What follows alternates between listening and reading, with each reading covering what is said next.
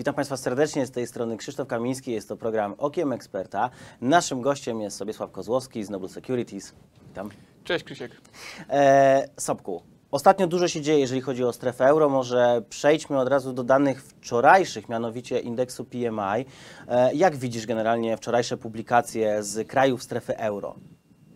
Medal ma dwie strony, w tym sensie, że dalej są to odczyty PMI poniżej 50 punktów. Dla przypomnienia może odczyty poniżej 50 punktów to oznaczają dalej spowolnienie, czy oznaczają spowolnienie powyżej 50 punktów to jest wzrost, przy czym e, te są, to są odczyty lepsze od oczekiwań i e, bardzo może dać, że e, ostatnio PMI na przykład nie, PMI na przykład Niemiec w przemyśle to był najniższy od 6 lat i wzrost tego wskaźnika być może Yy, niektórzy podchodzą z nieufnością, no ale jednak to wydaje się jak yy, yy, takim yy, spowolnienie już, yy, czy spadek tego wskaźnika już wyhamował, jest wzrost, pytanie na ile trwały, no ale już jest jakaś zmiana, także w tym kontekście jak druga pochodna w, w matematyce może też pokazuje, że właśnie już jest jakaś tam delikatna poprawa. Mm, No oczywiście z drugiej strony jeszcze to są dalej jest spowolnienie, także jeżeli ktoś chce powiedzieć, że jest słabo, no to może powiedzieć słabo, jeżeli ktoś stwierdzi, że no, tu już następuje jakaś poprawa, no to też można powiedzieć, że ma rację. Czemu Generalnie niemiecka gospodarka, można powiedzieć, słabo wygląda ostatnimi czasy. Poniżej nie dość, że poniżej 50 punktów, to te odczyty PMI są coraz niższe. Nawet patrząc też na e, indeks IFO, widzimy, że jednak te trendy nieco spadają. Mamy taki trend spadkowy w gospodarce niemieckiej. Jest jednak mimo wszystko ciągle kluczową gospodarką e, Unii Europejskiej. Czy to pokazuje jednak problemy e, całe, całej, całej strefy euro, czy to są może chwilowe problemy niemieckiej gospodarki?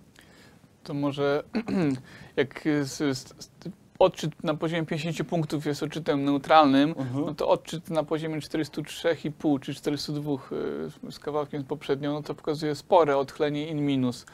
Y, y, I no, z jednej strony widzimy poprawę, ok, przy czym ona następuje z bardzo niskiego poziomu, tak jak powiedziałem wcześniej, najniższego od 6 lat, przy czym To są jakby miękkie wskaźniki, czy wskaźniki wyprzedzające. Pewnie inwestorzy, no dobrze, poczekajmy na potwierdzenie, bo jest Mhm. tak słabo, to pytanie, ile, kto, ile inwestor jest w stanie zapłacić za potwierdzenie, czyli za na przykład wzrost, jeżeli gra e, e, na długo, albo na e, kontynuację spadku, jeżeli gra na krótko. E, No ale abstrahując od tego, zwrócimy uwagę też, że e, e, mieliśmy o tym może nie rozmawiać, ale chyba ciężko uciec od, od y, Trump i, i Chiny, czy Mhm. USA i Chiny, w tym sensie, że ten, ta eskalacja czy konflikt między handlowy czy handlowo-walutowy między Stanami a, a Chinami trwa. I trochę rykoszetem uderza w Niemcy, bo Niemcy jako mm, jeden z największych, jak drugi największy chyba eksporter na świecie i taka silna gospodarka mm, strefy euro mm, y, no i ten- konflikt, który się raczej zaostrza niż y, stabilizuje, czy y, deeskaluje, czy słabnie, to chyba dalej wpływa negatywnie na, na, y, na percepcję właśnie y, gospodarki strefy euro i y, dalej zastanawianie się, jak, jak y, właśnie ten konflikt może uderzyć między Stanami a Chinami w, w Niemcy, w eksporterów. I to chyba też widać po części po właśnie DXY, po, po kursie dolara, w tym bardzo mocny czy wyraźny wystrzał, wybicie z rocznej konstylacji, wybicie górą. Wydaje się, że no, to, to jest taki istotny czynnik strachu dla, dla inwestorów, którzy y, y, spekulują czy inwestują na aktywach, y, y, które są w jakiś, sposób powiązane z, dolarem, a im silniejszy dolar, to, to jest czynnik na przykład negatywny wiem, dla surowców, czy dla, no, dla innych walut, dla rynków wschodzących, także można powiedzieć, że to, to takie mm, serce rynku finansowego, globalnego rynku finansowego. Mocniejszy dolar może oznaczać e, jakąś e, wzrost awersji na, na ryzyko. Mhm. No ale no to pewnie trzeba by patrzeć na przykład na, na, też na, e, na złoto, Mhm. i czy przebija te, te, ten poziom powiedzmy 1500 punktów po rajdzie tegorocznym. Próbuje, ale jakiś, wydaje się, że jakąś chyba łapie, łapie zadyszkę. no to jest jakby e, złoto, a z drugiej strony e, przykładowo pewnie amerykańskie obligacje dziesięcioletnie czy tam przybijają e, e, poziom mniej więcej 1,5%. Mm, Czy też e, e, e, pytanie, no jest kilka takich mierników, e, e, e, mm, kilka mierników, e, jeżeli chodzi o ryzyko. E, e, Okej, okay, to jest indeks cenowy, no ale w, w tym sensie, że e, też może być, nie wiem, frank, e, euro, CHF, frank szwajcarski, czy też e, USD, CNY, CNY czyli re, re, yuan renminbi. No, w tym sensie takie y, mm, y, pary walutowe, które czy tam y, kabel, y, czy w tym sensie, że GBP, USD, y, Mhm. y, czy tam jest ryzyko przybicia y, chyba w dołka sprzed trzech lat, jak dobrze pamiętam, i to jest nawet zejście do poziomów chyba 76 roku, jak dobrze pamiętam, także wieloletnie, wieloletnie minima. No, wczoraj się, wczoraj się dzie- wiele działo, jeżeli chodzi o funta sterlinga. E, jakby nie patrzeć, e, ten e, cały czas ten, te widmo Przybity, Brexitu, tak, te, te widmo Brexitu bardzo ciąży. Twardego. Twardego zwłaszcza Brexitu, tym bardziej, że retoryka polityków e, brytyjskich pokazuje, że to nie tylko jest wizja pewnej grupy torysów, tak zwany no deal Brexit, ale pojawia się też coraz większa grupa, która stwierdza, tak, wyjdźmy bez tej umowy.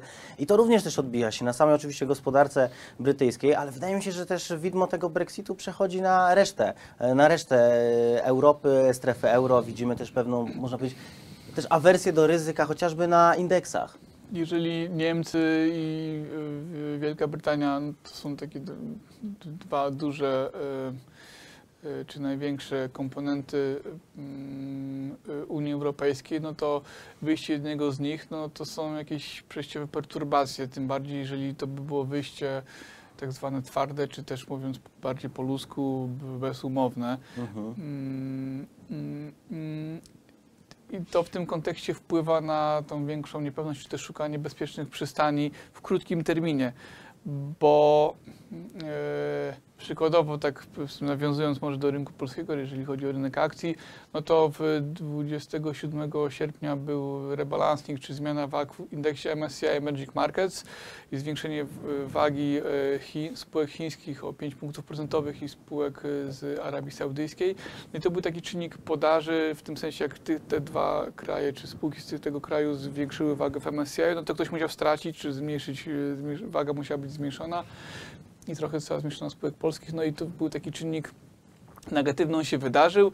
I jakby z mojej percepcji, w mojej percepcji wydaje mi się, że to jest y, taki czynnik, który y, zwiększa szansę na to, że ten dołek czy to był, w tym sensie podaż większa na polskich spółkach i jest szansa na, bo jeden z czynników ryzyka się zmaterializował, być może to będzie jakaś, jakaś y, szansa na poprawę.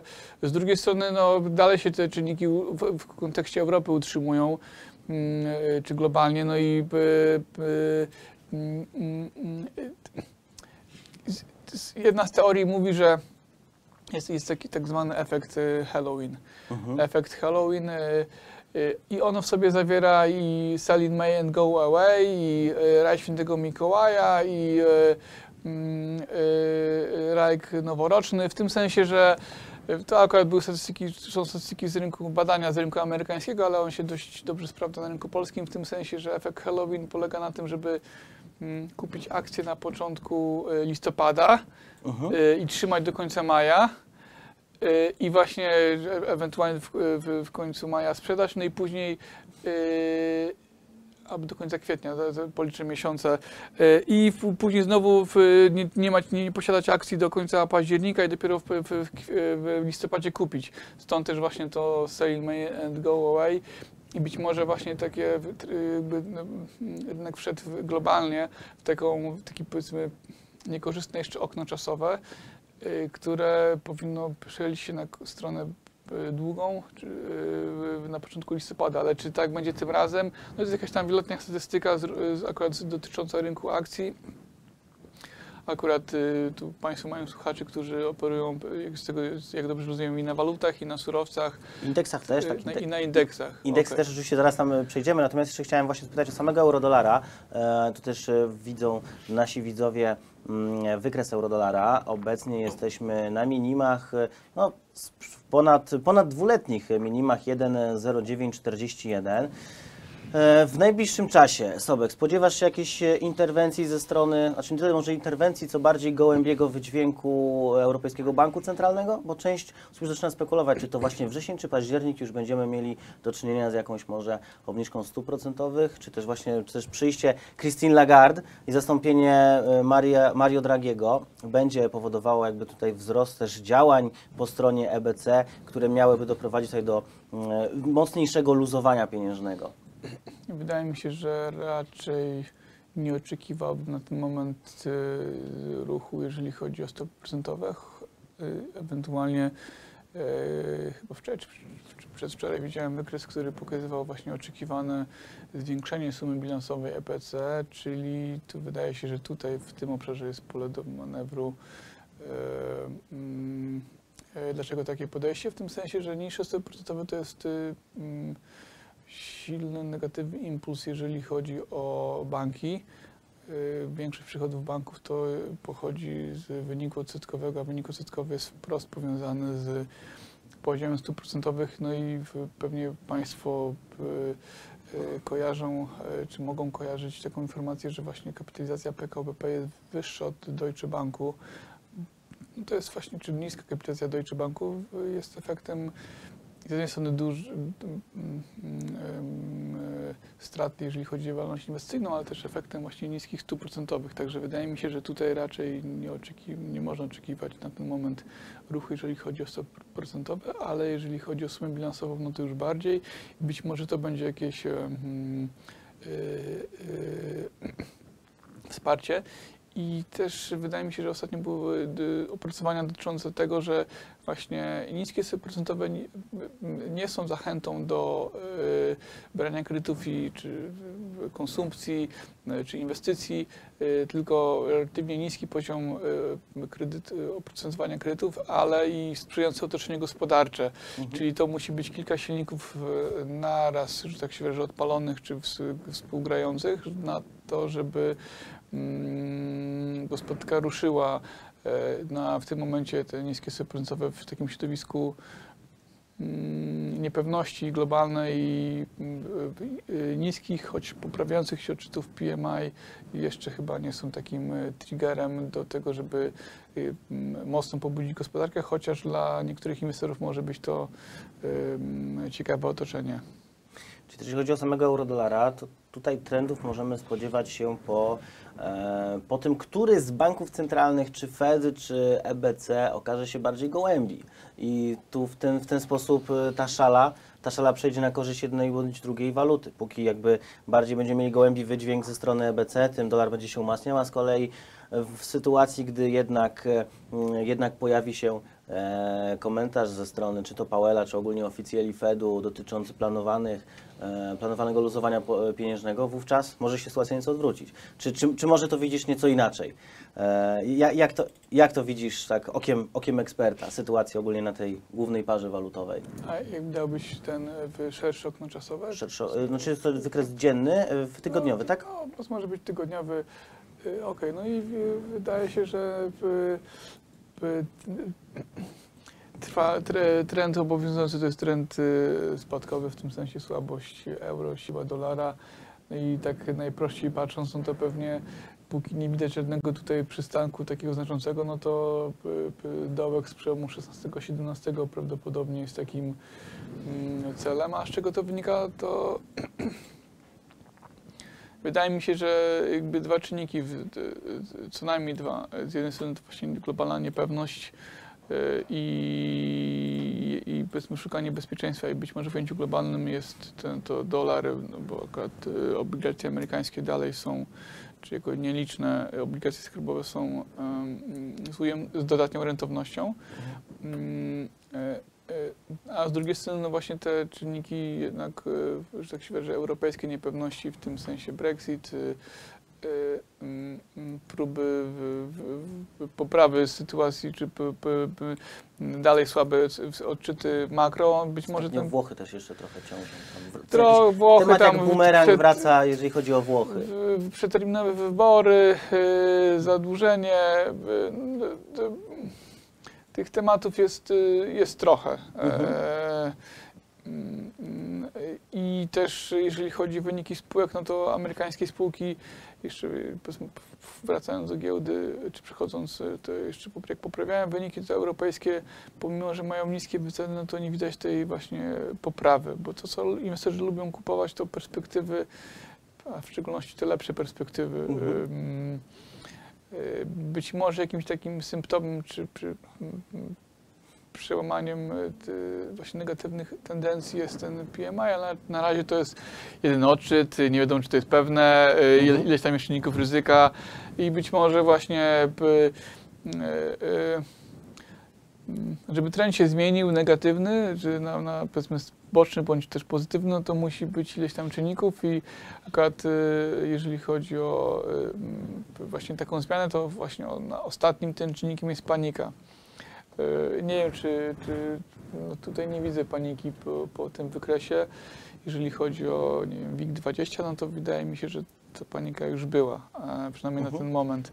Także tak e, mm, e, E, mm, mm, Jeżeli chodzi o właśnie o p- e, e, e, euro-USD, no to ten trend y, y, y, negatywny trwa, czy euro się osłabia, no a właśnie tu na tym wykresie widać na, akurat na DAX-ie to być może i Na DAX chciałem, już tak słowem wstępu powiedzieliśmy trochę o euro, trochę o PMI-ach, to byśmy przeszli po prostu stricte na giełdę. I chyba najsłynniejszy indeks wśród e, europejskich spekulantów, niemiecki DAX. jak, jak e, generalnie widzisz sytuację? Na razie jesteśmy na wykresie dziennym, oczywiście możemy zmienić interwał, ale jak widzisz sytuację, jakie widzisz też perspektywy, jeżeli chodzi o e, naj- najsłynniejszy indeks e, 30, 30 największych spółek z gospodarki z, naszych zachodnich sąsiadów? Mm, No, wydaje mi się, że ten długi dolny cień yy,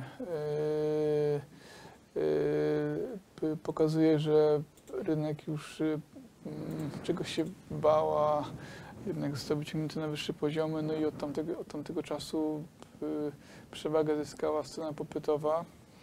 Yy, wid- Wydaje się, że ten, też ten dołek yy, z końca marca, początku kwietnia został wyrównany, czyli ktoś, być może fani analizy technicznej mogli powiedzieć, że to jest podwójne dno, no i szansa jest na e, wejście na wyższy poziom. No i pytanie, czy te luki, e, luki Mhm.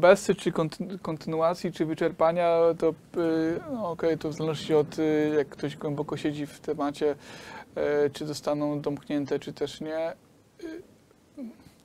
Tym języczkiem uwagi może być ten, ten PMI, od którego zaczęliśmy. Mhm. Przy czym odpowiedź na, też na to pytanie zależy od y, systemu inwestycyjnego, czy ktoś bardziej właśnie patrzy w ujęciu dziennym, czy tam powiedzmy godzinnym, czy kilkudniowym, czy tygodniowym, czy też dłuższym. Y, y, mm, I oczywiście analiza techniczna jest z jednej strony prosta, z drugiej strony trudna, bo każdy może coś powiedzieć, a nie każdy Mhm. nie każdemu się sprawdza to, co widzi.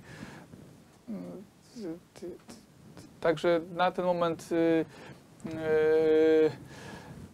trochę z odrobiną nieśmiałości, bo widzę, że tu tak ładnie pozaznaczałeś. y, no, Także wydaje mi się, że właśnie te luki teraz będą istotne. Dość długi korpus, ten taki czy czerwony, to jest. mm, y, te- te- Przepraszam, ten, ten niżej. Ten, Mhm. Tutaj ten długi korpus będzie chyba y, no, na ten moment jest kluczowy. Jedna luka została zamknięta. Pytanie, czy to co z tą drugą. Y, Argument fundamentalny wydaje się, że właśnie jest ten, ten PMI. No i kolejne pewnie y, wskaźniki wyprzedzające będą jakimś tam przybliżeniem, przy czym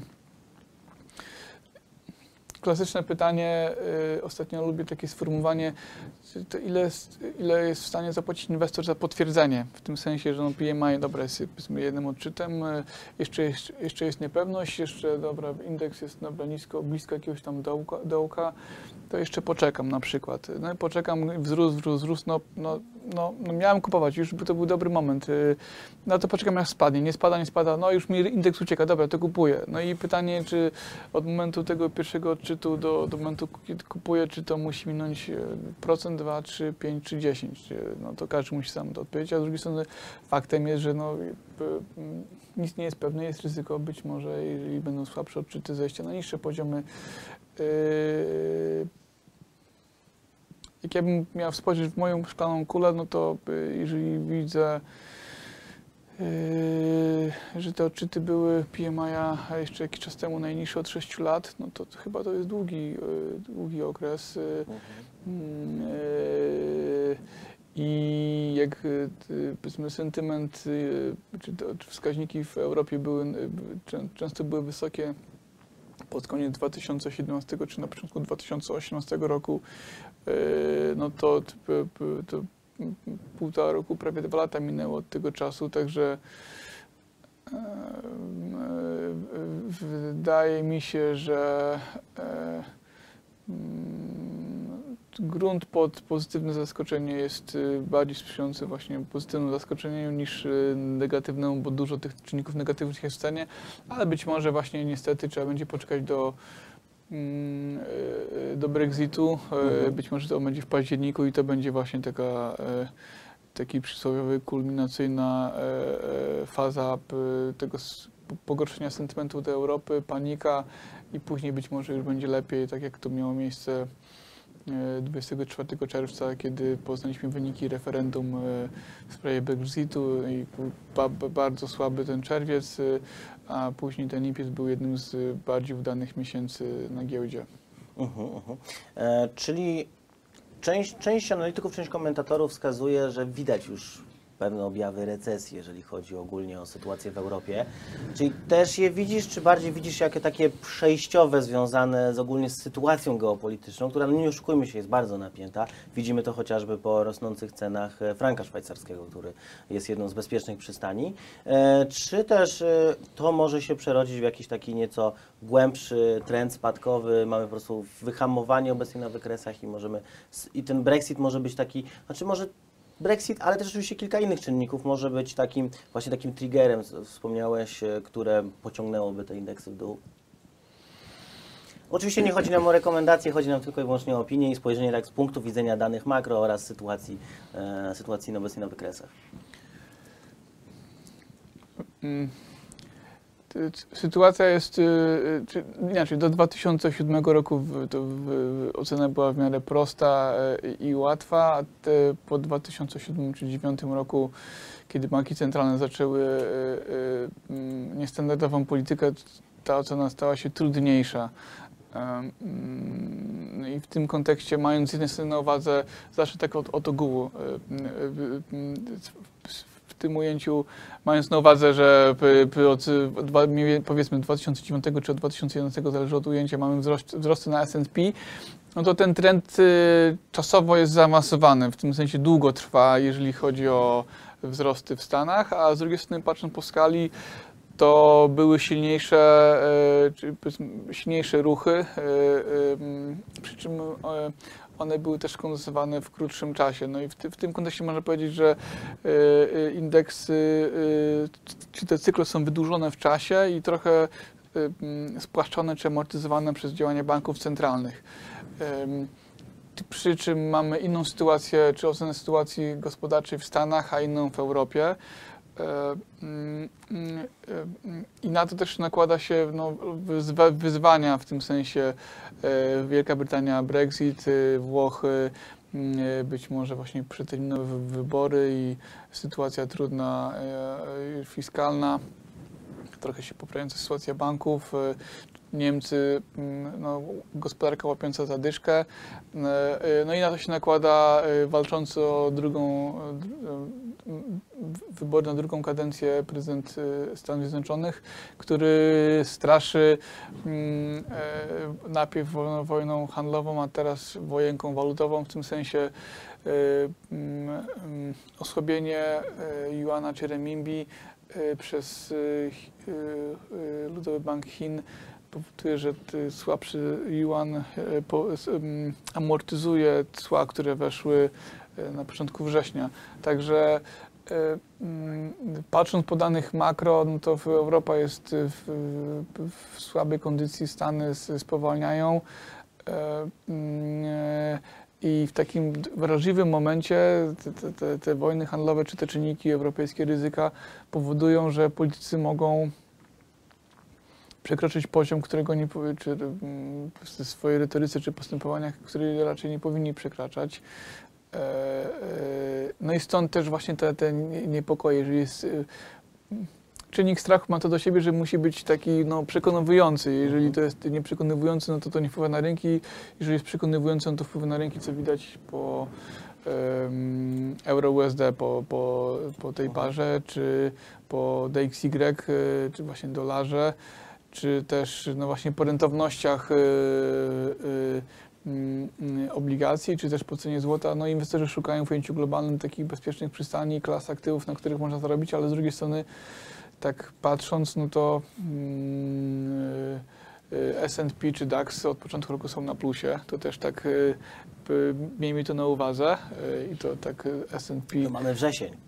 Mamy wrzesień, są na plusie, więc to też no nie jest... okej, no ale to y, teraz nie, nie jestem pewny, ale wydaje mi się duże naście procent, pod 20 y, S&P i DAX, duże naście procent, y, y, mając na uwadze, że na lokacie w Polsce mamy chyba przy negocjacji albo przy byciu, byciu klientem VIP czy private'owym może z 1,5%, no to mm, to jest, to widać różnicę. U nas WIG chyba 6% na minusie, jak dobrze pamiętam. Od początku roku jedynie SWIG 80 y, y, na plusie y, prawie 10%. No, to wynika po części z fatalnego 2018 roku, no, ale tak y, mieliśmy rozmawiać o europejskiej gospodarce, no ale być może takim przykładem jest to, że y, w Polsce na przykład wyceny spółek, patrząc po cenie do, wartości księgowej, to często są, y, patrząc po WIG-u, jedynie 6% sesji było poniżej aktualnych poziomów no, od początku 2002 roku, czyli za ostatnie 17 lat. Także no, jeżeli chodzi o polską giełdę, to chyba większość y, czynników ryzyka poza może wyrokiem TSUE mm, e, i informacją, że budujemy elektrownię atomową największą e, i tam najpiękniejszą, kosztującą miliardy złotych, no to może poza tymi dwoma czynnik, czynnikami ryzyka to chyba większość jest, jest w cenie. E, tak mi się wydaje. E, Także e, najprościej, czy chyba puenta, przekaz z, naszego spotkania jest taki, że dużo czy- czynników ryzyka jest w cenie, a pomimo tego no ten y, y, WIG czy WIG20, y, no okej, teraz trochę się cofa, czy, czy DAX trochę może nietypowo, czy zastanawiająco próbują wejść na wyższe poziomy. No to być może to właśnie pokazuje, że y, napływ kolejnych negatywnych informacji nie wpływa negatywnie, a właśnie już y, jakieś niektóre małe pozytywne wstępne czy y, wyprzedzające PMI pokazują, mm, są argumentem tego, żeby jednak skłonić stronę popytową, żeby przyjęła przynajmniej przejściową inicjatywę. Mhm. No właśnie tak e, chwilowo, na chwilę odchodząc może tam od całej, całej europejskiej gospodarki, tak może skupiając się na naszym, e, na naszym domowym ogródku, mianowicie mówiąc o WIG-u WIG20, e, jak generalnie widzisz e, sytuację na polskiej giełdzie względem tego, tych globalnych czynników, które wymieniłeś? Tutaj oczywiście wspomniałeś, wspomniałeś wcześniej, e, wspomniałeś wcześniej o tej awersji do ryzyka, ale czy jest na przykład coś, co jeszcze chciałbyś może dodać, czy coś, co zauważasz, albo też na przykład widzisz też pewien plus dla naszej gospodarki, co mogło dać jej siłę na dalsze wzrosty? Oczywiście. Znaczy, plus jest taki, że y, w, y, w ostatnich miesiącach byliśmy jednym z najsłabszych rynków na świecie i waluta też była jedną z najsłabszych. ETF na Polskę był jednym z najsłabszych, chyba w trójce najsłabszych indeksów. A słabość nie będzie trwała wiecznie. Przepraszam, że tak trochę prowokacyjnie, y, y, ale co ciekawe, to y, to jak właśnie patrzymy na ETF-y na Polskę, to właśnie na, na indeksy giełdowe to właśnie Polska była jednym z najsłabszych. Jeżeli chodzi o waluty, to złoty był jednym z, jedną z najsłabszych walut pomimo rajdu na jednak obligacjach skarbowych również polskich. E, mm, ale co ciekawe, to by, by złotówka była równie słaba jak forint czy lira turecka. E, I co, co to mi mówi, że to jest hipoteza oczywiście na ten moment. y, Oczywiście jak przyjdę do studia za, za miesiąc, mam nadzieję, że Państwo mnie nie rozstrzelacie e, za, za to, ale generalnie e, e, e, zestawienie z waluty, czyli właśnie złotówki, w, e, forinta czy liry, to pokazuje, podobne to jest, było zachowanie w osta- ostatnich tygodniach, to pokazuje, że to są ruchy globalne, czy tendencje globalne. Mm, I też słabość Buksa, czyli indeksu węgierskiego e, e, i właśnie WIG-20 uwiarygadnia hipotezę, że właśnie to jakaś tam była podaż związana z rebalancingiem, który e, e, wydaje mi się uatrakcyjnił wyceny. E, I no, aktualnie inwestorzy zdają się czekać na jakiś taki, powiedzmy, szerzej przekonujący y, y, argument czy, czy informację, która by pozwoliła wejść na wyższe poziomy. Chociaż, y, tak jak tutaj pytam, y, czy prowadzimy dyskusję w firmie, no to mm, y, póki co powiedzmy, y, przemyślenie mamy takie, że najprawdopodobniej dołek już jest za nami, czy był właśnie w, w koń- w końcówce sierpnia, jeżeli chodzi o WIG20 z ryzykiem, że rzeczywiście być może jakiś retest tego dołka będzie, ale co do jakby zakresu spadku, y, to wystarcza, wydaje się, że to jest wystarczający spadek. Y, Co do czasu, no to rzeczywiście potrzeba może jeszcze z ty, tydzień czy półtora słabości, a później już y, aż się boję wypowiedzieć to, to słowo, y, y, które oznacza wzrosty na, na giełdzie, bo to, To na może, H. to, y, i y, to, y, i to takie pozytywne, w tym, Pozytywne y, w ty- y, mm, ale to być może właśnie jest oznaka takiego e, mm, mm, nie wiem, czy ekstremalnie niskich poziomów y, y, nas- nastroju, bo jednak nastroje, patrząc po y, indeksie Stowarzyszenia y, y, Inwestorów Indywidualnych, inni indeks nastrojów y, inwestorów y, pokazuje pewne cofnięcie, ale to jest cofnięcie, y, saldo jest strona pozytywna minus strona negatywna, to jest lekko, lekko ujemne, przynajmniej to ostatni odczyt z zeszłego tygodnia. To, to nie jest już skrajnie negatywny odczyt, no ale generalnie tak patrząc po tym, jak rynek zachowuje się i brak takiego impulsu czy odreagowa- odreagowania mocniejszego może właśnie piątek, czwartek, piątek, y, w poniedziałek było odreagowanie, ale wydaje się, że po takim mocnym spadku w sierpniu y, można było liczyć na więcej. Także to być może pokazuje tą niepewność. y, mm, mm, Ale wydaje mi się, że no, dużo jest czynników negatywnych w cenie. To, co by, czy, by, czy rynek nie, chyba jeszcze, no, czego się boi, no to y, mm, jeżeli chodzi o banki, no to wyrok TSUE. Mhm. Przy czym mm, wydaje mi się, że też inwestorzy tu mocno zdyskontowali, patrząc po wycenach niektórych banków, ten czynnik. No, ale to, to po czasie będzie wiadomo, czy, czy, czy to, to moje, moje stanowisko jest słuszne. E, mm, No, ale z drugiej strony te właśnie też lepszy PMI e, Niemiec, lepszy PMI Polski, to Mhm. no coś już, jakieś argumenty się pojawiają. Pytanie, ile czasu b- będzie potrzeba inwestorom, żeby i krajowym, i zagranicznym, żeby to uwzględnić, a być może już jest to uwzględnione. e, mm, e, Także mamy ciekawy początek, czy koniec wakacji, a początek już, e, że tak się wyrażę, e, roku szkolnego. roku szkolnego i, i wymagającego okresu pracy, e, mam nadzieję, że zyskownej. No tym, tym bardziej, że w tym tygodniu spółki polskie publikują, publikują wyniki. E, będziemy w tym, w tym tygodniu mamy dużo publikacji, e, między innymi w dniu, w dniu bodajże dzisiejszym jest publikacja CCC, czy, czy to może jutrzejsze? Jutro jest konferencja, albo to być może Jutro. dzisiaj po Mhm. sesji, albo jutro przed sesją, Mhm. bo jutro jest konferencja, także no to jest e, ciekawa spółka, przy czym mm, mm, e, Okej, jest il- kilka punktów spojrzenia. W, ty, Tak. w, w tym sensie, że drugi kwartał co do zasady jest e, drugim najlepszym okresem wynikowym dla tej spółki.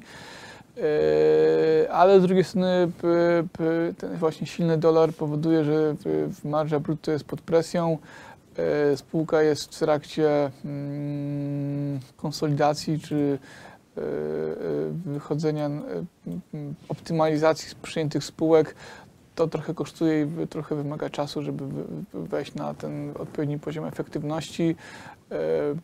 Jest odpalonych, są odpalone trzy shorty, trzy pozycje na, na spadki. E, mm, Tak się właśnie zastanawiam, mm, jak to szczegółowo omawiać, czy jakiej, jakiej terminologii używać, ale trzy krótkie pozycje łącznie bodajże na prawie 3% kapitału zakładowego. Także no, spółka jest w takim ciekawym momencie i póki co ta strona podażowa ma inicjatywę, chociaż no, była próba, e, jak spółka podała szacunki wyników za drugi kwartał, próba e, zanegowania tego e, aktualnego trendu. Mm, Także zobaczymy, czy, czy wyniki będą zgodne z, z szacunkami czy tam oczekiwaniami inwestorów, a z drugiej strony co spółka powie na temat perspektyw. Także tak e, jesteśmy w trakcie sezonu publikacji wyników, przy czym ten też sezon jest dość rozciągnięty, bo on kiedyś kończył się z końcem sierpnia, Mhm. a ostatnimi czasy trwa aż do końca września. Także e, inwestorzy, którzy mają duże pozycje czy istotne pozycje, to też do końca nie wiadomo, kiedy mają się brać urlop, być może trochę na początku czerwca. Na później już powinni rzeczywiście śledzić e, swoje, swoje spółki. E, Jesteśmy w trakcie sezonu publikacji wyników. Zazwyczaj taka mała wzmianka. e, Te lepsze spółki raczej mają tendencję do publikowania wcześniej, a te, te przynajmniej takie jest moje subiektywne odczucie, a te słabsze spółki czy spółki chciałyby, które mają, są pod presją aktualnie czy, czy trochę dłużej, to raczej mają tendencję do publikowania później z sprawozdań finansowych albo e, są mm, mniej sprawne operacyjnie i też no, okay, publikują później. No to, to każdy mm, może ocenić to lepiej czy gorzej. E, e, No, ale też można powiedzieć, że te, te właśnie sezon publikacji wyników jest, jest takim świętem e, fundamentalnym inwestorów. Mhm. tak się zastanawiam, jak długo to święto trwa i jak długo rynek bierze pod uwagę te wyniki, czy to jest sesja, czy, czy mniej, czy dwie sesje. Mm, no, to, to, to cały czas się zastanawiam i raczej wydaje mi się, że jest to krótszy okres niż dłuższy. E, Rzućmy może okiem jeszcze na Euro.pl, czyli tutaj na parę walutową, która łączy tą strefę, strefę euro z naszą polską gospodarką. E, widzimy też, to jest akurat wykres dzienny, ale możemy tu nieco szerszym spojrzeniem zobaczyć na, wykres, na wykresie tygodniowym. Mieliśmy dosyć silne wzrosty od początku, od początku sierpnia, silne wzrosty euro. E, Też słyszałem też opinie, komentarze, że miało to związek z tą jakby z tą ucieczką od y, rynków wschodzących, to też odbijało się na polskiej walucie. E, Natomiast pamiętajmy też, że no, tak jak roz- rozmawiamy, nie są też zachwycające dane z e, strefy euro. Widzimy, że jest multum cały czas problemów, e, które od lat kroczą za europejską walutą. E, Czy tak e, Twoim spojrzeniem eksperta na wykres Euro-PLN-a widzisz tutaj potencjał do jakby zatrzymania się tych wzrostów, e, jakieś umocnienie się polskiego złotego, czy może jest jeszcze potencjał, żeby nieco zyskało na wartości i może gdzieś nawet doszło w okolice szczytów, albo chociaż się zbliżyło do nich z tych szczytów z końca 2016 roku? Patrząc oczy- oczywiście pod kątem tego wszystkiego, o czym, o czym rozmawialiśmy i patrząc też na naszą gospodarkę, gospodarkę strefy euro. Yy, Ponoć yy, mam talent do bycia dyplomatą. Nie wiem, czy uda mi się tym razem. Yy, Czyli bym powiedział w ten sposób, że yy, z- całą pewnością nie można wykluczyć osłabienia nawet być może do 4,50, przy czym takim triggerem to argumentem mógł być twardy Brexit, czy jakieś takie właśnie mm, mm, szokujące wydarzenie. Mhm. Mm, Przy czym e, wydaje się, że w scenariuszu bazowym e, na ten moment e, ten jakby napór podaży i osłabienia złotego stracił impet no i wydaje się, że teraz mm, jest szansa właśnie na odreagowanie i raczej wydaje się, że mm, tu potencjał na jakieś umocnienie złotówki, przy czym no, chyba kluczowy będzie poziom no okej, to już każdy p- już jakby Mhm. z inwestorów pewnie ma własną strategię, to już może to bardziej ocenić. Wydaje mi się, że impet osłabienia został e, wyhamowany czy wytracony i pytanie, czy no jest raczej okres na odreagowanie tego osłabienia, pytanie, jakie on będzie silne odreagowanie i, i to będzie, to pokaże, na jaki poziom można, można e, mm, mm, liczyć. Przy założeniu oczywiście, że to jest jakiś scenariuszu bazowym i nie ma żadnych dodatkowych e, katastroficznych czy mm, nieoczekiwanych wydarzeń. E, Co też t- t- jakby do końca nie można wykluczyć. e, No ale między powiedzmy o, Brexicie, o, o, o Włochach, e, no, od pewnego czasu inwestorzy słyszą, a e, tak zwany czarny łabędź to właśnie musi być coś nieoczekiwanego i bardzo istotnego. E, No to być może, nie wiem, e, ostatnio widziałem zestawienie notowań Lehman Brothers i Deutsche Banku i, i, e, rzeczywiście zastanawiające było, że bo korelacja była duża, no ale e, e, ten jakby fin, finał, czy był, byłby ten sam, to moim zdaniem ma, wydaje się, że to jest małe prawdopodobieństwo, no ale to by, mógłby być taki potencjalny czarny łabędź. Czy, czy on się zmaterializuje? Mm, No nie wiem, ale to w, w jakby scenariuszu bazowym wydaje się, że jakieś okno na umocnienie złotego zdaje się rysować, ale czy ono zostanie wykorzystane, mm, Czas pokaże. czas pokaże być, ale takim argumentem te, te PMI -e mogą być interesującym argumentem. Mhm. E, tu jeszcze chciałem też poruszyć może nieco taki poboczny temat, bo nie stricte związany z e, samą europejską gospodarką, jednakże pamiętajmy, że rynki nie, rynki nie funkcjonują w próżni. Wspominaliśmy o wykresie e, o euro-CHF-ie.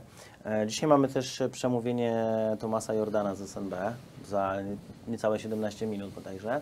E, Euro-CHF, czy widzisz jakiś potencjał też do reakcji ze strony SNB, bo wiemy, że SNB potrafi e, interweniować na rynku walutowym, wiemy, że potrafi decydować się, mm, decydować, podejmować pewne kroki, też pojawił się czasem też e, w momencie, gdy frank już na stałe przebił się przez chociażby 4 zł względem naszej rodzimej waluty, e, część zaczęło też uspokajać, że w długim czasie możliwe, że utną stopy procentowe. Czy widzisz jakiś taki potencjał, czy euro-CHF jeszcze nie jest na takich niskich poziomach, żebyśmy mogli tutaj e, tego typu dokonywać spekulacji. To jest oczywiście wykres tygodniowy, czyli widzimy, że ostatni raz byliśmy w tym miejscu e, w czerwcu 2017 roku, czyli dwa, ponad dwa lata temu. Przez ten czas długą drogę pokona euro-CHF.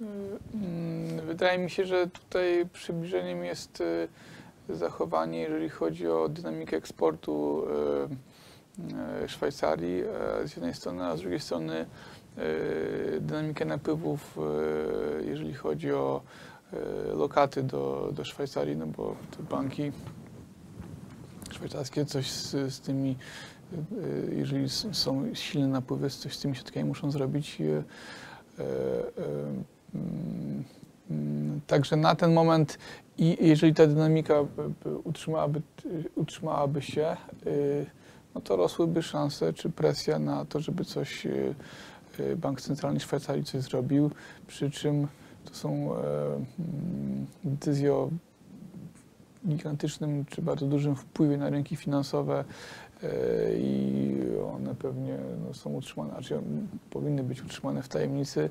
E, Także e, jeżeli ta tendencja by się utrzymywała, no to prędzej czy później należałoby oczekiwać jakiejś interwencji czy działań, ale czy to akurat będzie teraz, no to trudno jednoznacznie przesądzić.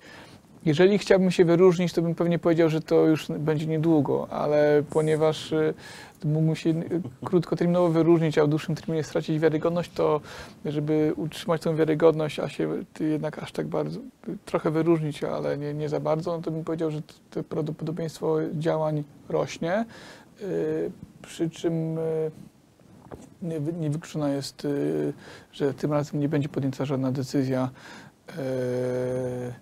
Y, mm, Ale też y, z drugiej strony, pamiętając decyzję z 15 stycznia, y, jeżeli chodzi o właśnie s- franka szwajcarskiego i bronienie y, siły franka, y, to wydaje się, że nie, też trzeba brać pod uwagę w, w swojej strategii inwestycyjnej scenariusze mało prawdopodobne, które się kiedyś mogą wydarzyć, a mogą być mieć gigantyczny wpływ na, na, na st- stopy zwrotu.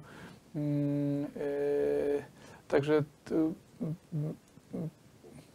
s- dywersyfikacja i stop lossy to wydaje mi się e, to, co może ułatwić podejmowanie decyzji w takich powiedzmy kluczowych momentach i też patrząc po istotnym poziomie tutaj euro CHF-a decyzji inwestycyjnych, bo czasami rynek e, może zaskoczyć czymś, co jest niemożliwe, albo co miało się nie wydarzyć, albo ma tam prawdopodobie- prawdopodobieństwo 5 czy tam 10 sigma, e, czyli tam 5 czy 10 odchyleń standardowych. Mm, Także e, ale ponieważ ja tak też raczej jestem bardziej specjalistą w, w akcjach, chociaż y, mogę coś powiedzieć o dywersyfikacji, o stopach zwrotu czy stop-lossach, to waluty, mm, mm, y, jeżeli chodzi o doradzanie na, tej, na, na parach walutowych, to, to nie jest moją domeną zawodową. Tutaj mogę czasami trochę się wesprzeć y, wiedzą na temat powiedzmy, tendencji globalnych i mm, pewną znajomością analizy technicznej. Mhm. Dobrze, dobrze. To czy na, jakiś, na sam koniec ewentualnie e, może jakieś europejskie akcje, które powinny, e, obs- powinni obserwować inwestorzy w najbliższym czasie? Masz jakieś takie perełki w swoim portfelu, które obserwujesz? Ja patrzę na, na banki centralne, na, przepraszam, na notowania banków, e, w tym sensie, jeżeli e, stopy by nie, nie, nie zostały zmienione, a rzeczywiście mm, e, trwałaby skup aktywów, to być może właśnie klasą, która by jednak e, mm, zyskała no to właśnie notowania banków. No i pytanie, czy te obawy odnośnie, e, odnośnie niemieckiej gospodarki są uzasadnione, no to pewnie jeżeli nie, nie są uzasadnione, no to być może właśnie sektor automotive.